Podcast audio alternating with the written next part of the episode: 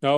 góða kvöldið ágættur árundur og hlustundur. Velkomin að Rauðaborðinu. Það er 50 dagur og í kvöld er það þjóðhagsráðs Rauðaborðsins eins og ég leiði mér að kalla það, en það er það náttúrulega ekkert. Við hafa fyllt okkur hérna eiginlega frá upphafi COVID, Áskei Brynja Torfarsson og Ólafur Markísson og, og oftast er undarferðið, hefur Guðrún Jónsson verið með okkur en, en hún er vant í látin með að gera hluti sem eru mikilvægri, eldur en að sitja hér og skum henni bara velfarnar með það.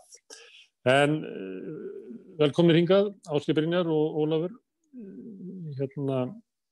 það er svona nokkur atriði sem hafa verið í fréttanum eiginlega bara í síðustu viku sem að mér langar að, að kasta upp til ykkar. Eitt af því var að, að umhverfisráðara kom fram og sagði að ljóstværi að Íslandika verði ekki að standa skuldbyttinga sínar varandi Kyoto-samkomlæð og, og við þurftum að reyða fram sektir út af því og það er ekki alveg komið fram hverja það eru en það skils mér að það sé einhvern veginn háð markas aðstæðum á hver er hægt að kaupa kvota uh, en einhvers stað sá ég að þetta geti verið sko, svífiröðlar uppæðir 14 miljardar í aðfell hvers slíkar uppæðir uh, Ólafur, þú hefur hérna oft nefnt hér til sem ráð við kreppunni skórekt komið fram um það. Þannig ég býst við að þú hafið eitthvað kynnt er þessa stöðu Íslandika gagvart Kyoto. Hva, hvað er þarna ferðinni og hvað er til ráða? Ég hef ekki skoðað stöðuna sjálf, stöðuna sjálf, sjálfa sérstaklega varðandi Kyoto en hluti af því sem ég er að gera í vinnunni sagt hjá tryggingafyrirtækina sem, sem ég er að vinna er að við erum að kortleggja það hversu mikil uh, kólefnis, uh, hversu mikil kólefnisúblastur er vegna okkar fastegna fjárfestinga, þar sem ég er sem sagt um, einhvers konar, nokkur skonar fastegna hagfræðingur, myndi, myndi það kallast á íslensku. Og þess vegna hef ég verið að skoða meðal annars hver kostnæðurinn er á bakvið það að uh, binda kólefni með ímjömskonar aðferðum. Það er uh, hægt að uh, gera það með því að sjúa það bókstallega úr, úr andrumsloftinu og uh, binda það í jarðlögum og þetta er náttúrulega eitthvað sem er byrjað að gera á Íslandi. Um, þetta er ennþá allavega eitthvað dýrara heldur en gamla náttúrulega aðferðin um, en kannski best að, að negla það klárlega niður að þessi aðferð með það í rauninni svona carbon capture eins og þetta kallaði á, á ennsku uh, hún er blessunlega að verða útýrari og útýrari þetta er alveg öruglega eitt af því sem við þurfum að gera við mannkynnið til þess að minga áhrifin sem kólöfnis uh, útblásturinn er sem við erum ábyrg fyrir á náttúruna og á veðufarið. Þannig að þetta er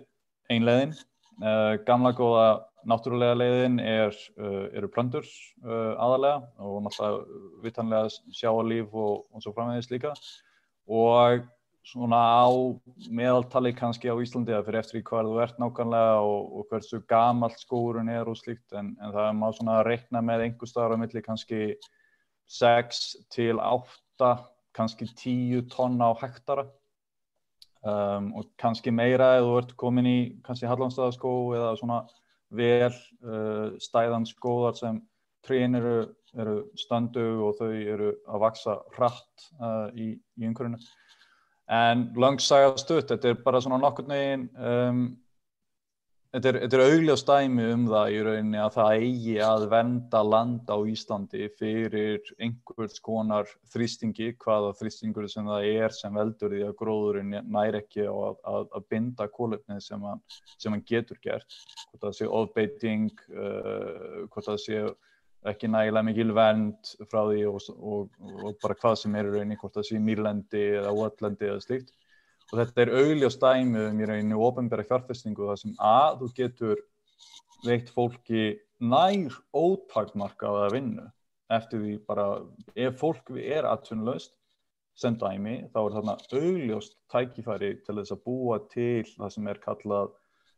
buffer job í rauninni, ef þú ert aðtunulegs þá ertu vissum það að þannig getur þú fengið vinnu við það að sjá til þess að kólumninsbindinga á Íslandi sé nægilega mikil til þess að Ísland þurfu ekki að borga sektir vegna Kyoto og í samanbyrði við þess að 14, 15, 16 miljardar sem er kannski uh, vænst í rauninni, hva, hver kostnaðan bak við þetta er, þá var framlag ríkisins til uh, skórektar á síðast ári 640 miljónir eða þar yngring. Og ég ætla að halda því hygglust fram að það væri góð, skinsamleg, ofinbyr fjárfesting að bjóða fólki atvinnum frambóðstryggingu þar sem það getur unnið við það að sjá til þess að kolonisbinding í náttúru Íslands sé nægilega mikill til þess að við Íslandingar þurfum ekki að borga sektorum með kíu. Þú vilja nota peningin í staðin fyrir að borga sektorindar að starta átaki við að Ekki spurning. Rækta trí og líklega bara annan gróður, það er ekki, ekki bara trí. All, all, allur pakkin, bara hvað sem það er, hvort það sé ekki græslendi, ef fólk er sátt við það að, að rækta lúpínu á viðkomandi sveiði, er, er fólk uh, sátt við það að byggja upp hampiðnað á viðkomandi sveiði sem er líka löglegt og hampur notabene er ljómandi góður uh, kolonisbindari uh, þannig að það sé, alveg eins og trí og í í ofanálægið með það að búa til kolonisbindingum með þessari aðferð þá er á sama tíma verið að auka uh, líffjölbreytileika á, á viðkomandi svæði. Uh, skordýr nota skólendi, hamplendi uh, og, og slíkt til þess að, að lifa af. Síðan koma fugglarnir í, í kjölferðið á, á skordýrónum ránfuglar, rándýr og svo framvegis. Og þetta er bara eðlilegur, náttúrulegur fyrild sem þarna væri að þarna væri verið að styrkja. Og þetta er miklu, miklu, miklu ódýrra heldur en það að fara ekki í þetta og borga 16 miljónarna beint í sagt Nú erum við að lenda í því að þurfa að borga 16 Nú erum við að lenda í því að þurfa að borga 16 hlustar ykkur á okkur ef við poppum allir upp núna með ykkur áætlunum að verja eða sérst binda kólefni í staðin í, í, í hérna, með þessum aðförum Erum við, er við, er við komin fram á þenn tíma að við verðum bara að borga það? Ef, ef, ef hugmyndina sem við komum með, með eru sæmilega skynnsamar þá vonast ég til þess að sé hlusta á þar. Hmm. Áskipinningar, þú samþykir þetta bara eða eitthvað? Já, ég held að þetta bara í raun og veru rými við mjög margt annan sem að ég verði að hlusta á, á, á fundum á náttúrulega út í heimi. Sko. Það að gera ekki vissa hluti núna þýðir bara meiri kostna síðar. Alveg sama hvort sem maður er að tala um þarna það sem er búið að setja upp kerfi það er búið að taka allt og langan tíma að koma á þessum sektum það er búið að vera allt og lengi sem að þessi markaður fyrir hérna kólefniskvótana er búin að vera svona á einhverju gráu svæði og, og svolítið beður eh, en núna byrtist þetta kemur þetta alveg skýrt í ljós eins og svo margt annað í kofinu og það er fjöldin allur annar af svona atriðum sem að um, afleðingarnar núna þegar mann er að fara að sjá út úr göngunum um, með að við það að trúa á að, að, að bólöfni virki og komi að, að þá, þá eru menn loksinsróðnir færir um að fara að hugsa uh, hvað þeir voru að gera næst og, og, og, og allavega út í heimi er umræðan orðin mjög, mjög skýr með það að að við megum ekki bara vera að hugsa um að spara núna og ná okkur upp á nullið heldur að við þurfum að skoða hvaða aðgerðir eru það sem kostar, hvað er skinsamlegast að nota peninginni og það að ætla að spara eða nota peninga ekki einhverju hluti getur búið til miklu herri og meiri og verri kostnað e, segna, fljóðlega eða ennþá segna og, og og þess vegna með lága vexti er það miklu betra að, að skuldsetja sér til að gera fyrirbyggjandi aðgerðina. Þetta er eins og bara með viðhald á húsinu ef við tökum þá líkingu. Ekki láta það ekki skemmast og þurfa að, að taka lán sittna til að skilja það ekki. Það er ennþá dýrara. Það er líka, það er, það er líka mikilvægt að hafa það í huga að þetta er, er kjörið tækifæri til rauninni til þess að, að byggja upp nýjan yðnað á Íslandi. Bara sem dæmi hvort að það sé sko, yðnaður á Íslandi, hann þarf ekki endilega að vera það að einhvers konar mengandi. Það er kjörið tækifæri í því á Íslandi sem dæmi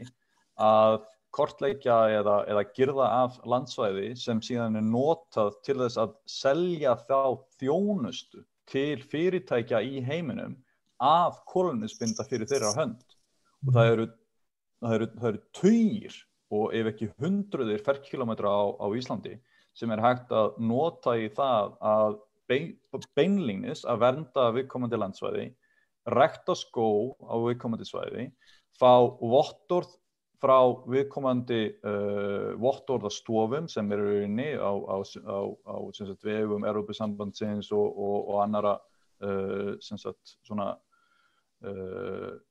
batteríja sem sjá til þess að þetta sé rétt gert og það sé verið rétt mælt, það er rétt mælt hversu mikil kóluninsbindingin er.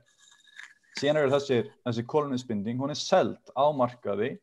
til viðkomandi fyrirtækja sem vilja kaupa kóluninsbindingu og það eru bara dæmi, það er fullt af fyrirtækjum í, í heiminum og fyrirtæki sem ég vinn fyrir er bara eitt af þeim sem vill sem, sem, sem, vill vera bókstaflega net zero eftir kannski 5 eða 10 eða 20 ár. Og þessi fyrirtæki eru að leita eftir því að finna einhvers konar þjónustu sem er í því að bjóða upp á kolonisbindingu og Íslandingar er að grípa þetta tækifæri og fara í þetta beint að rækta skóa á Íslandi selja kolonisbindinguna til þessari fyrirtækja og slá margar flögur í, í sama höggi. Það hefur verið, verið að auka líffjölbreytileika, það hefur verið að auka útflutning, uh, útflutningsbreytina uh, á Íslandi, það hefur verið að búa til nýjan yðnað á Íslandi, það hefur verið að búa til atvinnu á Íslandi. Það er fullt, fullt af góðum tækifærum í þessu. Þú varst með dæmi. Eins og bara oft í kreppum koma góð tækifæri. Og ég meina ég fekk bara í dag hérna mánalega postum inn frá SAS flugfélaginu þar sem þeir eru bara að segja mér að þeir muni, að ég er með eitthvað svona vildarkostið að þeir, þeir muni kolumsjafna allar flugfæðina mínar. Þeir eru náttúrulega að fá mér að byrja að fljúa aftur. Þeir eru ekki að bjóða mér að kaupa það. Þeir, þeir ætla að, að, að hérna, taka það á sig Þannig Íslandika getur selt ekki norðurljósin heldur melanna og sandana til þess að rekta upp.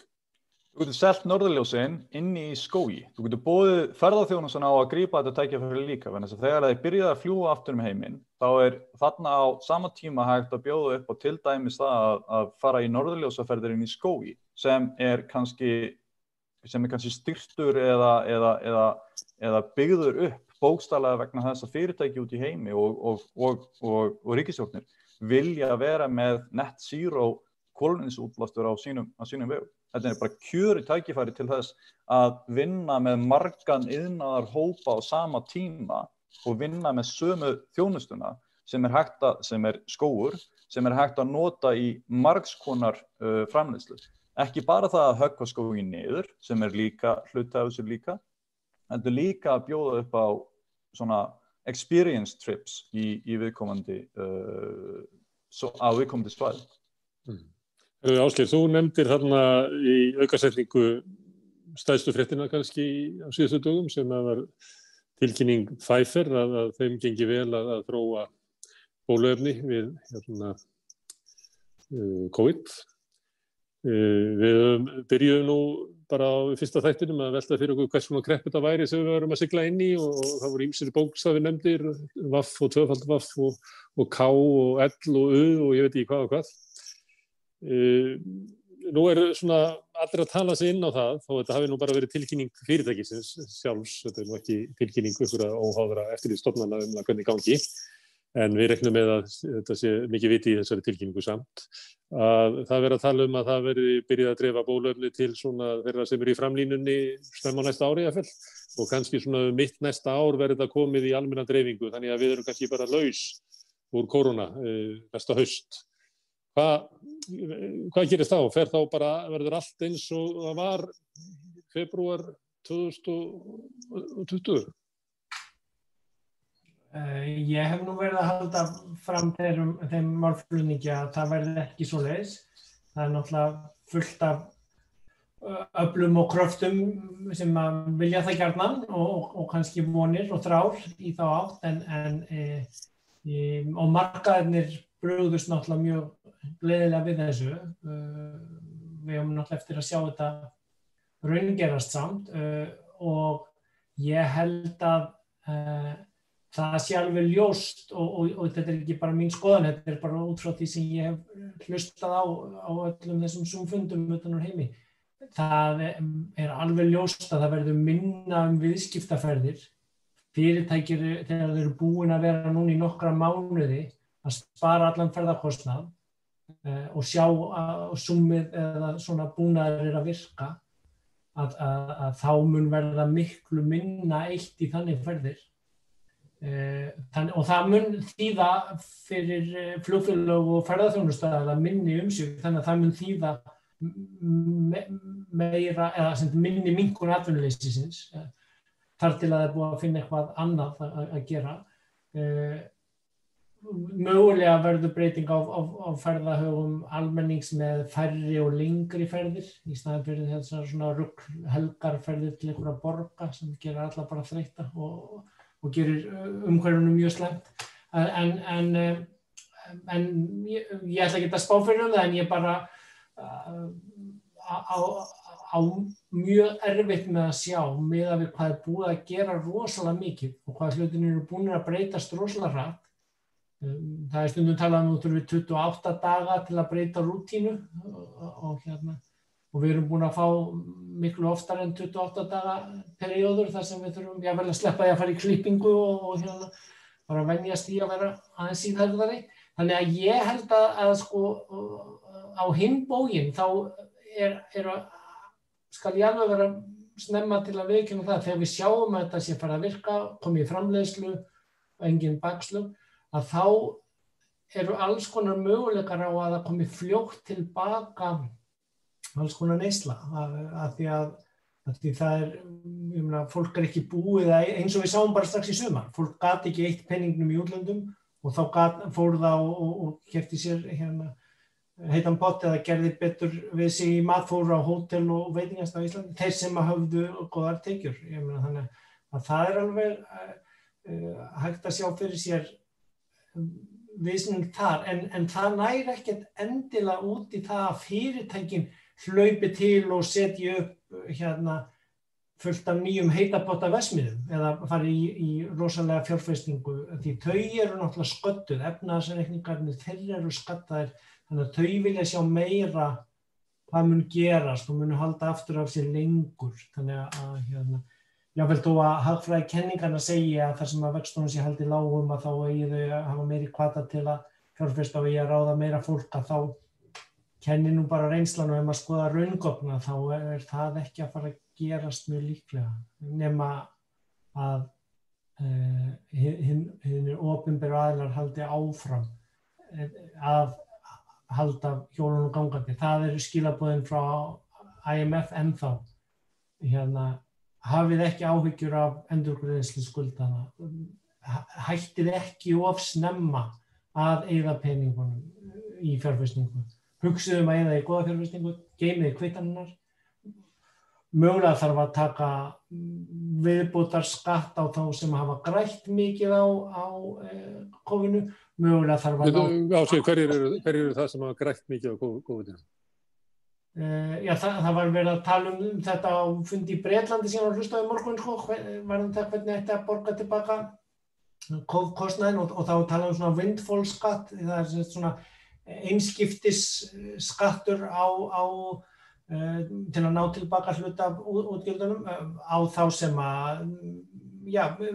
það, það, það er að setja það upp á mismunandi átt, ég menna þá sem að aukið hafna sem frá því fyrir þessi, herri skattur á, á það. Það, það eru náttúrulega eh, þar veit ég sko netsölufyrirtækin og, og eh, heimadreyfingar aðiladnir hérna. Mm. Net, Netflix skattur Já, já, og Európsamt er náttúrulega búið að vera til lengi frá því fyrir kófun en er orðið mun beittara og, og harðara í því að ná af alþjóðlegu tæknifyrirtækjunum. Uh, skattekjum það sem að þær myndast að segja þannig að þær séu ekki fluttar í, í skjól og, og, og þau stæstu fyrirtæki eru náttúrulega farin að viðkjöna það og er umhugað um það að standa við það. Þannig að það er, það er eh, og síðan hinliðin á því er þeir sem að fengu stuðning en þurfti ekki ánum að halda ef að, ef að ef, ef að hérna, fyrirtæki koma út ágætla úr árunni eða næsta áfengustunum þá er því bara að ná tilbaka með sérstökum skatti á það. Þannig að þá, þá fyrst fyrir að sjá í raun og svona raunstöðuna á því hvað þetta hvað stríðið hefur kostað. Þannig að það er svona í lók næsta árs kannski ef þetta, þetta tímaplan gengur um mm. Ólafur, finnst þér þetta góð lýsing að, að svona mitt næsta ára þá komi svona smá uppsveifla í engarnislu en, en fyrirtækin kannski hingri með hérna, að meta hvernig framtíðin lítur ömul út og svona fjárfæsting þeirra og kannski aðlugun að, að hérna, nýjum tíma taki lengri tíma. Ég held að mynda að punkturinn hann sé einmitt sérstaklega frasin aðlugun að nýjum tíma. Því það er einmitt nákvæmlega það sem held ég að muni gerast. Og bara við sjáum það akkurat núna sko hagkerfi heimsins það er hýst einhver staðar, það er hýst í húsnæði. Og ég vinn sem, sem fastegna hagfæðingur og það eru, það eru tveir flokkar húsnæði sem hafa tapað hvað mest uh, eða, já, orðið fyrir hvað mestu höggi þetta árið. Það eru hótel og uh, retail asset, vestlunarhúsnæði og vestlunarhúsnæði, það er náttúrulega hægt að brjóta vestlunarhúsnæði niður í marga hérna, svona undirflokka, uh, supermarkaðir og slíka svona maturuveslæðir klöma sig ágætlega, fólk, fólk þarf alltaf að vinna, uh, fólk, fólk þarf alltaf að, að, að, að hérna, borða vitanlega, þannig að maturuveslæðir þær klöma sig ágætlega, hótel, auglast, uh, þarf ekki að ræða það mikið meira. Um, sá húsnæðisflokkur sem hefur staðið sig hvað best, einfallega vegna þess að eftirspurnin eftir slíkum húsnæðisflokki hefur aukist hvað mest er lagarhúsnæði og vöruhúsnæði. Og á sama tíma sjáum við akkurat núna umræðina út um allt í rauninni uh, varandi það hvað það að gera við skrifstofuhúsnæði. Akkurat núna erum við, og þetta er punkturinn sem, sem áskrifar var að tala um, það er mjög ósennilegt að fyrirtæki fari aftur í þennan, þennan svona gamla takt varðandi það að fljúa á milli landa með, með, með startsfólkið sitt og, og slíkt. Og það þýðir auðvitað í fyrsta lagi að, að húteleinu verða fyrir áfalli. Um, síðan varðandi það að nota fjarfunda búna eins og þennan, það er, það er augljóst þegar maður tala við fólk og það er búið að gera margar skoðanakannir um það í mörgum löndum Það er mjög algengt að sjá að fólk vilji vinna svona einhver staðar í kringum tvo, kannski rétt rúmlega tvo daga á viku að meðaltali. Það verður eftir í hvaða landu þú ert, í hvaða borgu þú ert. Það er svona í kringum tveir til þrjú dagar á, á viku að meðaltali sem fólk vill vinna heima hjá sér. Frekar heldur en að vera í skristofunni. Og ef þú byrjaður að taka þetta inn í, eh, inn í, inn í, inn í reikningin þá ertu þá þarfstu að átta þig á því að það er fullt af fyrirtækjum þannig úti sem er með allt og allt og allt og mikið skrifstofuhúsnaði í dag. Þannig að það er fullt af skrifstofuhúsnaði í framtíðinu sem mun einfallega ekki vera endurlegt. Og eigundunir á, á þessu skrifstofuhúsnaði þeir eru að panika og þeir veit ekki hvað á að gera við það. Mjög sennilega verður, þetta, verður þessu breyti til dæmis uh, íbúðarhúsnaði. Kannski verður eitthvað þessu rifið niður og því verður breyti og það verður byggt vörðuhúsnaði í staðin og það er fullt, fullt af, af tilgangandum mann úti. En þessi breyting á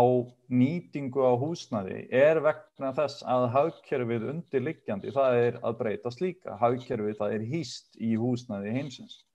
og það er þetta sem er, við sjáum bara augljóslega að, að breytingin á hagkerfinu og hún er að hafa áhrif á húsnaðismarkaði í heiminum og ég er alveg sjartalega samanlega áskrifin með það að það er þessi aðlögunartími sem verður að eiga sér stað. Og það er þetta sem einmitt fólk verður líka líka aftur að segja á. Sko þegar fólk hættir kannski að fljúa mikið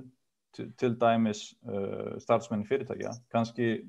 kannski verður eitthvað svipað með, með ferðamenn uh, eins, og, eins og áður. En það er mikið um ráðstefnu húsnæði og slíkt það mun kannski eiga í, í, í vandræðum En þegar fólk flýgur minna, þá notar það hótel minna, starfsfólk hótela verða þá ekki, ja, ekki, ekki ja, semst, það verður ekki ja, mikið lett spurn eftir starfsfólki í hótel eins og áður. Og þá verður það launagreðslur hótelalægri sem þýðir að eftirspurn sem eftir öðrum vörum í, í hafkjörinu mingar líka vegna þess að starfsfólk hótelina það far ekki, ekki, ekki launlengur og starfsfólk hótela verður að læra eitthvað nýtt og það er þetta sem, sem fólk verður líka að segja og það er fjórða innbyltingin, hún er hérna hinni með við hotnin líka. Og hún, hún er að fara að gerast í, í, í rauninni bara rétta eftir COVID. Þannig að það er fullt af breytingum í, uppsýlingum Þegar þú varst að tala hérna um breytingarnar húsnæðinu þá var ég að hugsa hérna um, um miðbæni Reykjavík, þar er mikil uh, fjölgun, uh, aukninga og hérna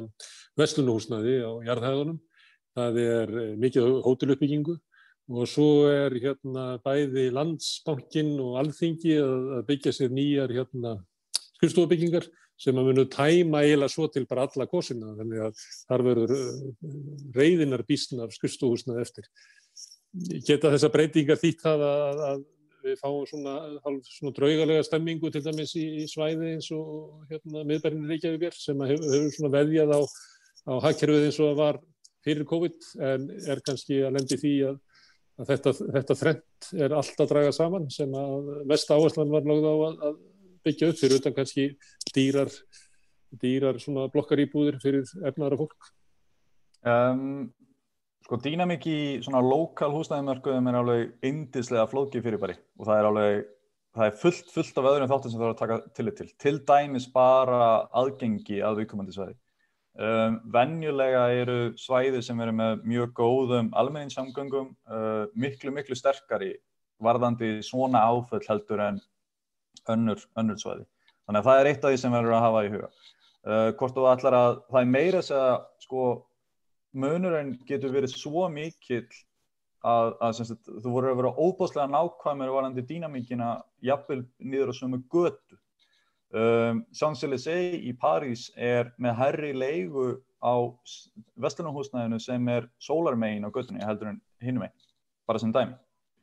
Og það er þessi örlittlu dýnamík partar sem hafa áhrif líka á það hvað er að fara að geðast, jafnvel bara á sömu götunni og þetta er eitthvað sem einfallega verður að hafa í huga þegar kemur það í miðbærum og, og öðrum svoðum á, á, á saman tíma. Og kannski kíkir á miðbærin eitthvað tíma setna en ég geti spurtu út í það, hvað sér það þér? Ef, ég fæ eitt að fljúa heim, já. Við vitum náttúrulega ekki hvað verður mikið af ferðarmennum sem kemur yngar, þannig að það hefur náttúrulega líka áhrif inn í þessa breytu. Og svo hversu virkur markaðurinn er þar sé ef það er einhverju sem eiga þetta sem ætla bara að liggja á þessu og býða eftir þessu og ekki að lækka verði eða ef að verði lækkar þegar það losnar að þá geta einhverjir aðrir flutt inn. Við vitum að sko, stór hluti af eignónunir í bæjir eigu sko, stóru fastegnafélagina og þau geta ekki lækkað verði því að þá hérna,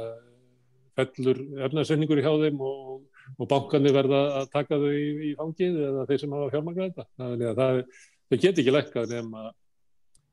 já, bara hverfa Mm, já, það, það, er, það er spurning hvort þú vilja fá einhverja leigulegri eða í staðan fyrir einhverja. En, en, en þetta, er, þetta er eins og ég segi, bæði flókið og erfitt að vita upp frá bara hvað mun gerast. En, en ég, ég meina, við sáum þetta hérna áður, þegar grandin var, áðurnan var mjög hérna, eftirsóttur, þá voru listamenn þar og svona einhver ný startup fyrirtæki. Nú er búið að verðilegja þau út af þeim markaði og er komin einhvert annað og ef það fær að vera mikið á tómu húsnæði þá er mögulegt að það komið tilbaka einhvers konar þannig líf ég, og þetta er bara enni táturinn af þessari struktúrbreytingu sem er að verða og það er þess vegna sem að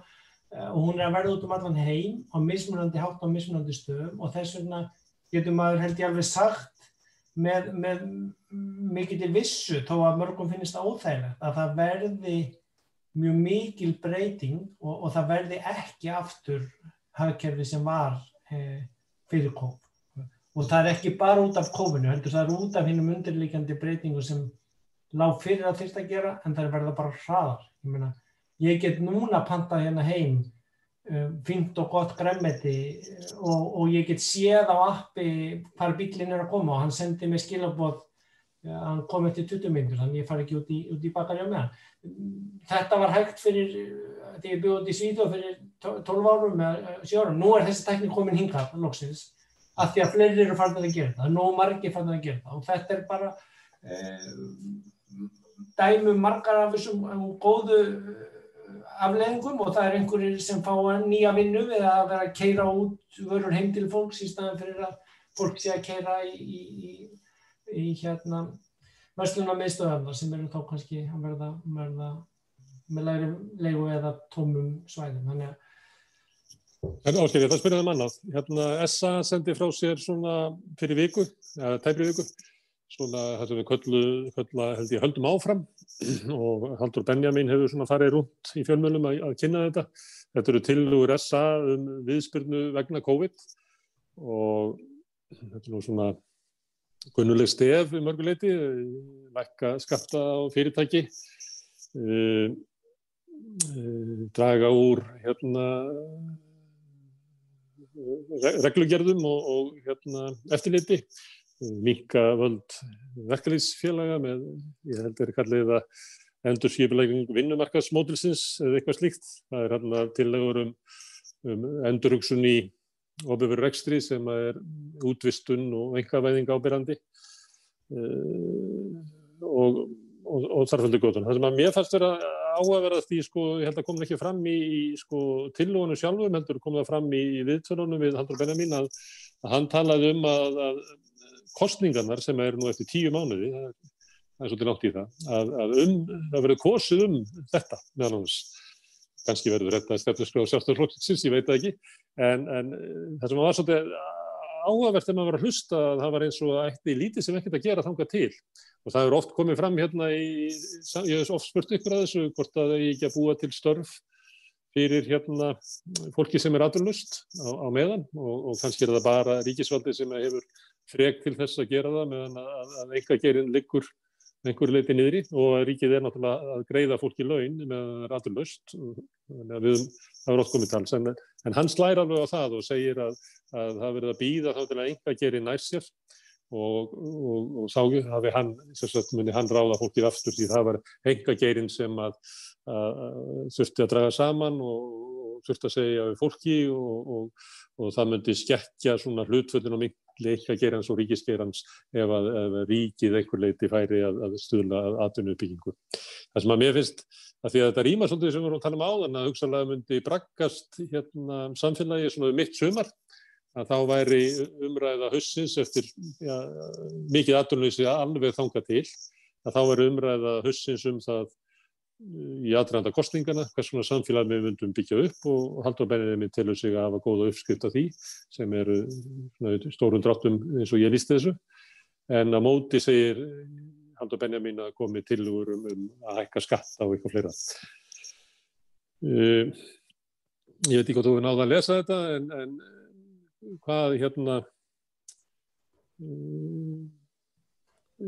heldur þú að hefur þú trúið því að, að að eh, kostningarnar september næsta ári verði um hérna, leiðina út úr COVID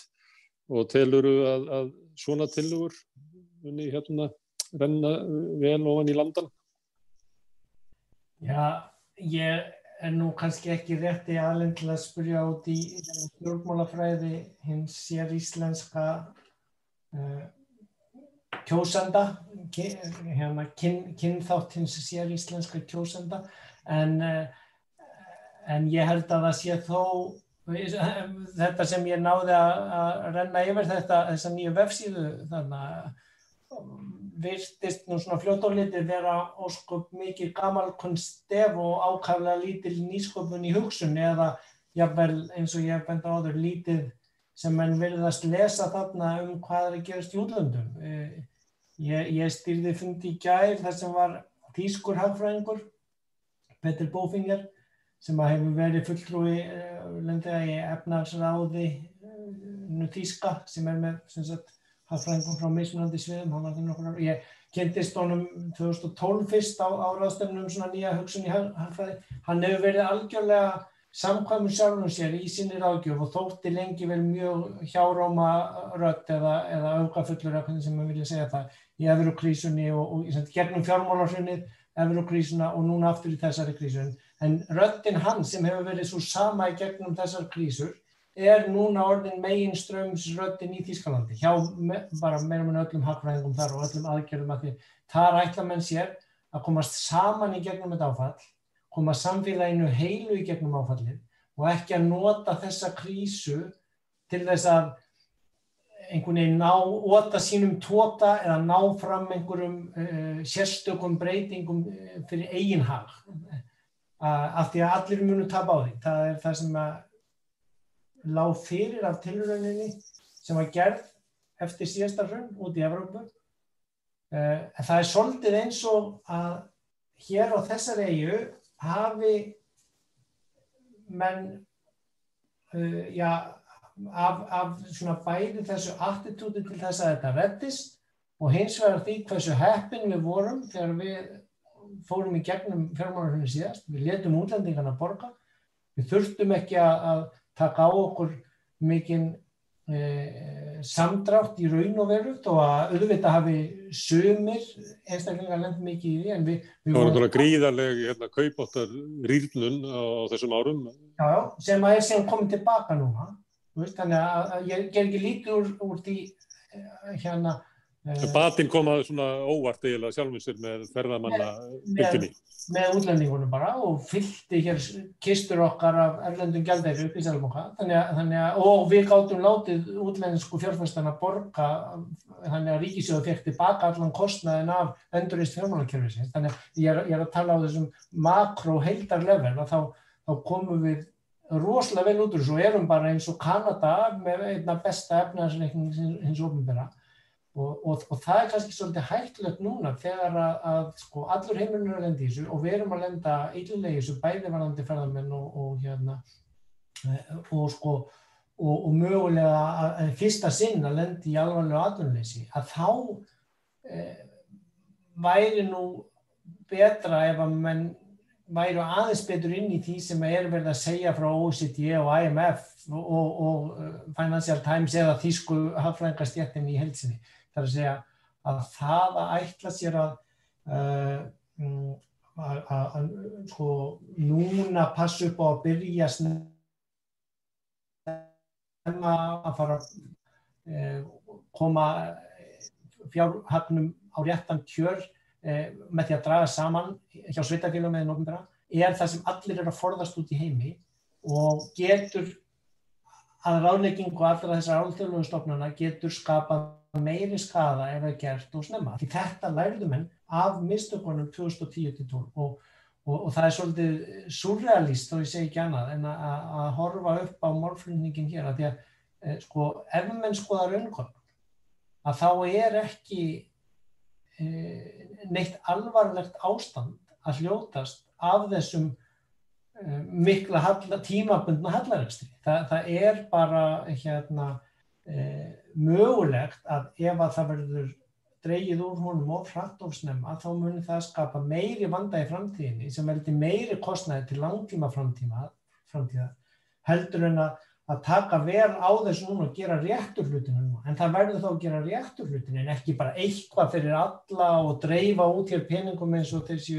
ókjöpis eða, eða allir geti komist með uh, lúkuna í syldukrökkuna og náði peningum það þarf að leðrætta það allt fyrir með, með réttir skatteimlu eftir á. Og það er held ég alveg réttur punktur að kostningar á næsta ári eru gífurlega mikilvægt atriði og, og, og þetta mun hafa áhrif á pólitíkina. Svo ég vísi aftur í fundin frá Breitlandi í morgun. Þar vorum við að tala um að skuldaukningi samkvæmt skýslina myndi halda áfram til 2023 og síðan væri þetta að fara að byrja að draga úr sko, jafnvel með að við þær frettir að bólöfni verið að koma því það er bara að vinna svo út úr þessu og þá sagði reyndar á þeim fundi gaggarínandi á skísluna sem er fyrirverandi fjármálar á þeirra þar. Já, munum nú það eru kostningar 2004 í Breitlandi þannig að, að það er nú ólíklegt að það verði neitt gert í því að byrja að minga átgjöldin og minga hallan og minga skuldsendinguna fyrir en eftir þær. Hmm. Ólafur hérna uh, áskiljaðum svona hálf hæðist að þessa, er þetta sjúrealist eh, sást þú eitthvað jákvæmt í þessu? Já, já, það er nú alltaf hægt að sjá jákvæmt í, í flestum hlutum um, en kannski kannski ég ætla að grípa aðeins boltan með hjá áskrifvanandi vanandi skattheimtuna um, sko, til hvers eru skattar?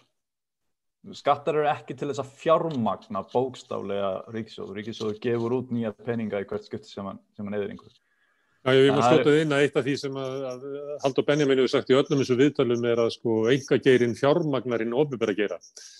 Já, engageirinn færindar peningana sem hann þarf til þess að borga skattana frá sjálfmakran, en það er kannski annar mál. Um, Þannig að þetta er ekki rétt að enga geirin fjármagni ofinbergeran. Uh, ég myndi frekar orða þannig að ofinbergerin fjármagnar skattgreðslur eignagerans. Skulum orða það frekar þannig. Það lætur allavega enga geran í tíða það fyrir sem hann þarf til þess að borga skattana. Að að, hvað er, hvað, til, til hvers eru skattar? Það eru, með, það, eru, aðal, það eru fjórar í megin, megin tilgangur skattaðir í fjórum liðum. Það er í fyrsta lagi það er að sjá til þess að sé ekki ómikið af peningamagni í umferð. Þannig að þess að þegar ríkisjóður borgar eitthvað, þá er hann að auka peningamagni í umferð og sama tíma þegar bankar vita lán þá hérna, x peningamagni í umferð og þegar skattar eru borgaðir þá mingar peningamagni umferð og þegar lán eru borguð tilbaka þá mingar peningamagni umferð skattar eru til þess að koma í vekk fyrir það að, að krónan uh, missi verkildi sitt meðal lands. Í öðru lagi þá eru skattar til þess að vera einhvers konar tæki til þess að koma fram vilja kjósanda varðandi uh, jöfnuð sem dæmi. Uh, og það getur verið, þess vegna erum við með sagt, svona progressive tax, uh, skatta eða, eða skatta á eignir og netto eignir og, og slíkt. Í þriði lagi þá erum við með, með skatta sem eru um, einhvers konar svona, uh, svona hjálp í rauninni svona, uh, til þess að, að kannski viðhalda framleiðslu í ákveðnum framleiðslu gerum og bengreðslega til bænda eru dæmið um það. Þetta eru rauninni neikvæði skattar þannig að það Og í, í fjórðarlagi þá erum við með einhvers konar ofinberg göld til þess að viðhalda einhvers konar tilfinningu fyrir því í rauninni hvers virði þessi ofinbæra þjónustan er og það getur verið til dæmis að borga uh, aðgöngu, uh, hérna, aðgöngu í, í, í, í sundlaugina eða eitthvað slikt eða, eða heitavaskjald eða eitthvað slikt. Um, skattar á fyrirtæki þannig að séð af hverju eru við með skattar á fyrirtæki? Ja, um, út frá þessum fjórum punktum. Ef, ef þú vilt þá getur þú lækka skattar á fyrirtækinu í 0% og í staðin fyrir að skatleika fyrirtækin þá skatleikur þú eigunduna og þú skattleikur þá einfallega bara í samræmi við það hvað í rauninni, hvers konar jöfnu þú vilt vera með á meðal fólks í landinu. Og þetta er í rauninni þá ertu ekki að skattleika milligöngu aðilan á, á nýtingunni á peningunum að, að lokum. Þú ert einfallega að skattleika aðilan sem í rauninni fær greiðslan tilbaka. Og það er margt í þessu sem í rauninni, það er, það er alveg hægt að, að, að ræða það alvarlega. Hver áhrifin eru af því að að lækka skatta á fyrirtæki og hækka skatta það á einstaklinga í staðin vegna þess að sem dæmi. Fyrirtækjaskattar þeir íta undir það að fyrirtæki noti skattana sem einhvers konar svona, uh, fyrir, hérna, noti skuldir og, og vakstakriðslu til þess að koma sér undan sköttum. Það er, er kvati fyrir, fyrir fyrirtæki að vera með herri, skatt, uh, herri uh, hérna, skuldir og borga þar með herri vakstakjöld til þess að lækka skulda uh, sína, uh, skatta, skattagreðslunum sína fyrir ekki þau. Þannig að það er, það er ákveðin, þetta er kallað svona, svona skatt, skattaskjöldur eða, eða tax shield á, á, á mennsku. Og ef þú ert með, með, með í rauninni læri uh, skuldir á fyrirtækjum vegna þess að það er engin kvati hjá fyrirtækjunum að, að, að uh, taka skuldirinn á sig til þess að lækka skattana, þá ertu með örugari fyrirtæki. Þú ert ekki með, með ja, mikið af, af skuldum á efnarsreikningum fyrirtækið sem þarf að, að servisera hvena sem er og þar með getur rauninni verið með miklu sterkara hafgjörfi líka framtíð, í framtíð uh, með, með framtíðina að leðiljósi vegna þess að þau geta tekið á sig högg í varðandi ekki jæfn mikla tekjur vegna þess að það er ekki jæfn mikið af, af vaksleikariðsum sem þarf að borga og það er fullt, fullt af svona atriðin sem verður að hafa í huga. Eh, ég þarf ekki að taka það fram að það er enga svona tillugur hjá SA um að hækka fjármæstekju skatt á móti, það er ekki svo leiðis. Ok, en það, en það er einmitt bara hlut að því, það, það, má, það er alveg fullkonlega uh, sko eðlilegt að ræða það í rauninni hverju tilgangurinn með sköttum af fyrirtæki og ef tilgangunum er ekki náð og það er þessi fjóri punktar sem ég, sem ég, myndi, sem ég myndist á, þá er bara eðlilegt að við spyrjum okkur, ok, ég með að lækka skatta á fyrirtæki og hækka skatta á einstaklinga í staðin. Og, og við, getum hægt, við getum hægt að láta vakstakostna vera frátræktaborðan frá skatti. Og líka, nákvæmlega, sjálfsögur. Og það er verið að ræða það fullri alvöru út í heimi. En, en, en ef maður segir það á Íslandi er maður álitinn einhver surrealisti. En, en hérna, eh, ég sko, ef ég má endur uh, hérna orða held ég sömu hugsun og Ólafur er að tala um, það sem ég finnst svo erfitt að skilja hversu erfitt er að koma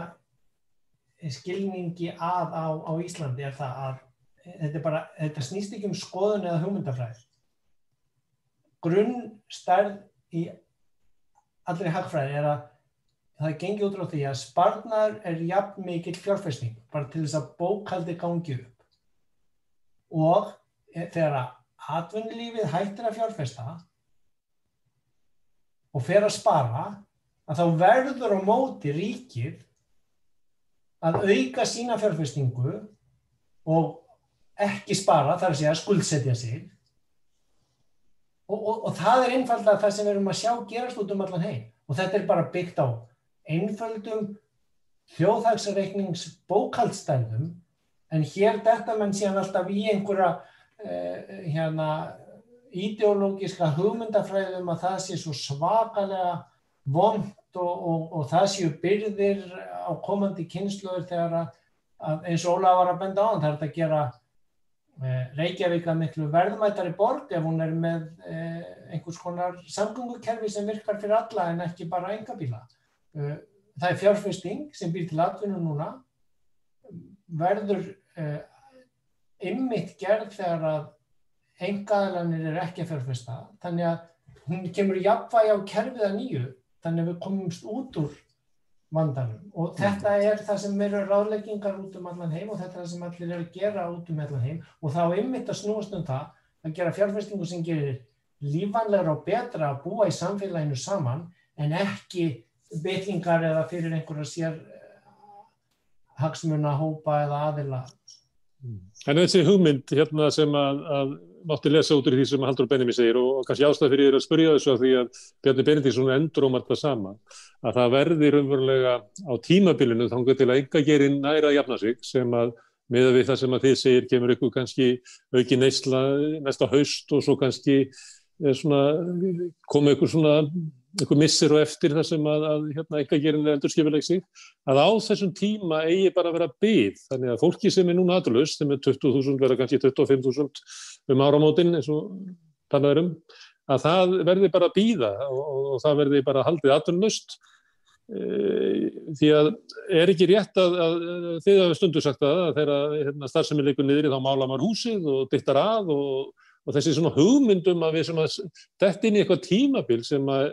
eru kannski bara næstu tíu mánuðir verði eiginlega bara hlið í, hérna, í samfélaginu, Ólafur. Er þetta fristandi tilúksin? Mm, sko, hættan á því sem er uh, sem hættan á því sem getur gæst og það sem er í rauninni að, svona, er að, er að svona, þróast undirleikjandi er svolítið tengt því sem Ásker talaði um áður og það er varandi það skuldir fyrirtækja hafa uh, í rauninni breyst hans mikið og skuldir kannski heimilega líka. Meðal annars vegna þess að um, núna er verið að, að núna eru bankanur hans dögulegir við að veita íbúðala sem dæmi. En það sem það sem verður að passa upp á í sagt, á kreppu tímambilum er að fyrirtæki vilji fjárfesta og viðhalda framleiðslu. Og það, það eitt að viðhalda framleiðslu er raun að stundum ansið oft kannski hægara sagt en gert á kreppu tímum Þannig að þess að framleiðsla, ef, ef ég er að rekla fyrirtæki þá tek ég ekki ákvörðunum um það að framleiða eitthvað nema ég held ég að ég geti selta. Og ég held ekki að ég geti selta eitthvað nema ég fá einn pantanir. En ég fæ ekki einn pantanir ef fólk úti í, í samfélaginu er ekki með tekjur. Þannig að þú verður að byrja á því að sjá til þess að fólk í samfélaginu sem er tekjur sem það getur notað til þess að kaupa eitthvað af, af fyrirtækjum og þegar fyrirtæki sjá að það sé eftirspurn í hagkjörunu þá er framleiðslan sett í gang og þá er fólk ráðið í vinnu og slíkt. En það verður einhverja viðhalda því að það séu tekjur hjá þeim sem kaupa framleiðslana af fyrirtækjum og það er þetta Já, það, sem... Það, það er það sem að verður að gera fyrst, það er að hérna, auka kaupmátt almenning og kannski helst hjá þeim sem að hafa minstmyndi annara því að, að þeir sem að standa sig kannski betur væru myndu kannski í þessu ástandi þess að greiða niður skuldir eða setja peningin undir kottan. Það er þetta sem er aðal ástæðan fyrir því af hverju ég hef alltaf verið að tönglast á því að bjóða fólki upp á það að finna sér tekjur ef það vill tekjurnar á annar borð sem dæmi með atvinnum frambóðstryggingu. Þarna er trygging um það að þú sért með rétta innspýtingu af fjármagni inn í hagkerfið frá hennu ofnbæra til þeirra sem eru atvinnuleysir og til þeirra sem vilja kannski hætta í viðkomandi vinnu en það hefur verið að misnota það á einhvern hátt eða bara hvað sem er, kannski eru þeir bara leið, kannski bara finnst þeim eitthvað gaman í vinnunni og þeir vilja bara skipta og þeir eru bara til í að, að fara í einhver aðra vinnu. Þarna er komin trygging upp á það að það sé verið að viðhalda greiðsliflæði í hagkjörunu sem kemur bókstaflega fyrirtækjunum sjálfum vel vegna þess og til, þarna er verið að sjá til þess að það sé nægilega eftirspurn, eftirspurn í hagkjörunu sem síðan dregur áfram framlýslega. Hmm. Áskipirinn, þetta var einnig tillega sem að samfélgíkin var með, einn af þeim tillögum, hérna um að hækka uh, allar grunnbætur, örgulíferi, eftirlaun, lámaslaun, atvinninsbætur. Uh, það kom fram í þessu þætti hérna við Rauðaborðið að þetta er uh, tillega frá BSB frá því upphafi hérna, COVID-19 að grípa til þessar aðgerða til þess að örfa einmitt. En, en ef ég því að því að þú nefndir hérna hérna ágæta uh, þíska hagfræðing, vinnumála sambansið þar, nei, alþjóðsambansið þar, hérna er það ekki þannig að, að, að þetta sé góð leið, kannski ekki að meðan allir eru í svona lockdowni og, og, og hérna, samfélagi likur niðri, en hins vegar algjörlega nöðsilega þegar það er komin eitthvað svona gangur sem er líklega það tímabil sem við erum á núna, og svo náttúrulega enn frekar þegar að hérna, mótefni finnst og, og, og, og það má búast við svona að allt opni að þá er eiginlega nöðsynlegt að setja svona vítaminsbrötu inn í hagkerfið í gegnum einmitt hérna, greiðslur til þeirra sem eru kannski á, á minnstu minnst á milli handana. Eh, jú og það sem hefur komið út og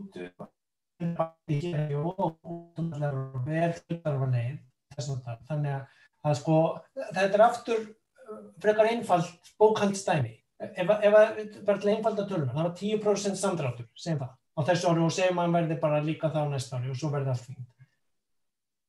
Til þess að bregðast við því þá var annarkort uh, hérna með afrúnum þarf að 10% atvinnuleysi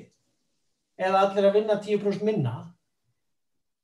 eða, eða að, að 20% verði hálfu starfi, skilur, það, það er að dreifa þessu út á mismunandi há og spurningin sem að náttúrulega pólitíkinn lítur að snúast um á næsta ári og ég er ekki að tala um sérstaklega flokka hér, heldur í öllum þeim löndum það sem eru kostningar og afleggingin af þessu kofi og, og því hvernig við vinnum okkur út úr því þegar við erum búin að stöfa blæðinguna hérna, sem er núni í gangi og vinna stríðið sem verður kannski næsta sumar, næsta haust, kannski tefst það, en allavega að þá þarf að vinna friðinn sem er þriðaskrefið og það eh, er öruglega það sem verður barist um á hennu pólitíska sviði. Á að gera það með því að fara aftur í eitthvað skuldarljótfall sem var búið til úr einni törlu utan úr uh, eternum með engum raun greiningum, gögnum eða tölum á bakvið eða eins og er verið að tala um út, út um allan heim og sérstaklega út í Evrópu uh, búum við til nýja reglur þegar við setjum aftur hér í gang uh, um, og höfum önnur viðmið á tölunum um hvað sé ásettanlegt af, af uh, skuldum, búum við til annars konar form á vinnumarkanum, nýtum við struktúrbreytinguna til þess að sumir fái 10% launahækkum og, og einhver 10-20% verði á atvinnuleysinsbótum eða eh, hvernig ætlum við að fara að því að jafna þetta út og hvernig ætlum við að síðan að dreifa kostnæðum því hann þarf síðan að einhvern veginn að koma tilbaka og það verður náttúrulega að einhverju leiti með skattheimtu en það er hún nöðsynlega til þess að það verði ekki uh, og mikil verðbólka af öllum þessum nýju fjármönum sem er búið að til og pumpa út uh, og, og, og, og sko það er ekki einhver einföld hugmyndafræði, það er flókið samspil, það eru raungum sem sína fram á það að aukningin á peningamanninu er ekki að búa beint til verðbólku eins og sumir virðast trúa og halda hér á landi. Eh, og, og það, menn trú ekki hann að hafa lesið frétti síðustu tíu ári Evrópu eða skoða tölur eh, frá hvort sem er Japan síðustu 25 ári eða Evrópu síðustu tíu ári þannig að þetta eh, er svona hinn skarki fókus finnst mér stundum á áhengjónum en pólitíkinn verður að snúast um þetta. Hvernig ætlum við að gera þetta, hvernig samfélag ætlum við að búa til eftir að stríðið er búið? Og hvernig eh, ætlum við að deila út eh, sko byrðunum og ábætanum af því góða sem kemur út úr í og ég, ég hérna bara út af öðru verkefni var nú að lesa gamla grein eftir gamla góða Keynes í gæð sem heitir The Economic Possibilities for Our Grandchildren. Þess að efnagslegin möguleikar barnabarnan okkar. Þetta er grein sem hann skrifaði 1930 og þá er hann búin að reikna út að, að eftir 100 ár þegar hann skrifar þetta sem er eftir 10 ár hjá okkur það er 10 ár í þetta ef okkur tekst að bjarga hérna, plánutinu frá mjög miklu skada að þá eh, eigi svona að vera nóg að vinna um það byrj eh, hérna 15 klukkutíma viku. Svona þrjá 5 tíma vinnu daga og, og hérna og svo verði robotar og, og tækni framfærinar búin að gera okkur hérna eh, en, en, en, en hann kannski gerði ekki alveg hérna ráð fyrir öfga auðsöfnuninni og, og misskiptingunni sem að Piketty og fleiri hafa benda á. En, en um þetta hlýtur pólitík um allan heim næstu ára að snúast. Mm. Herðu, við látum þetta vera orðin. Það er, er minnst á kein og þá slítum við hættum alltaf. Nei, nei, ég segi svona. Hérna, ég þakka ykkur fyrir að, stoppa hérna aðeins og hérna, er, heyrið það bara fyrir að tala við ykkur. Það eru margt annað sem að, að er kannski knýjandi að tala um. Ég það eru svona margt sem er bendið til þess að, að við sem að lenda núna í því ástandi að, að, út af teikjufallinu að þá það er dæmis held ég sé ljóst að sko margir leyendur eru í, vandraðum og, að hérna, þau kannski borga leiguna sína en verða svo að fara í byðröð eftir okkipis mat til þess að hérna, eiga, e, geta borðað. Bendið til þess kannski þegar hérna, fleiri fara niður á, á, á flatar atvinninsbætunar eða, eða þú veist, eru búin að vera lengi með tekjufalli því að þó þessi tekjutenging á sumum atvinninsbótum að þá hérna, hjálpar uh, helmingast kannski flugmennir í, í launum og svona þeir stettir sem höfðu meira. Að það er, maður búast við því að fólk fara að lenda í vandraðum með standarskíl á, á, á húsnæðis húsnæðislánum og öðru slíku. En ég ætla að fá að geima það í, í næsta þátt okkar og, og vonandi að, að við kannski hittus bara fljótt aftur. Eh, Ásker Brynjar Torfarsson og Ólaður Margesson, þakka ykkur fyrir að staldra við í kvöld. Við regnum með að Guðrún Jónsson verði með okkur næst. Hlustundu þakka ég kærlega fyrir að, að, að hlusta. Eh, hérna á eftir, klukkan tíu, verður þáttur uh, kaffistofan, þar er rætt um verkefnismál og þar er Katri Baldurstóttir að ræða við út fólk um stöðu þeirra á vinnumarkaði og, og tengingu þeirra inn í, í verkefnisefinguna. En ég þakka fyrir í kvöld. Takk.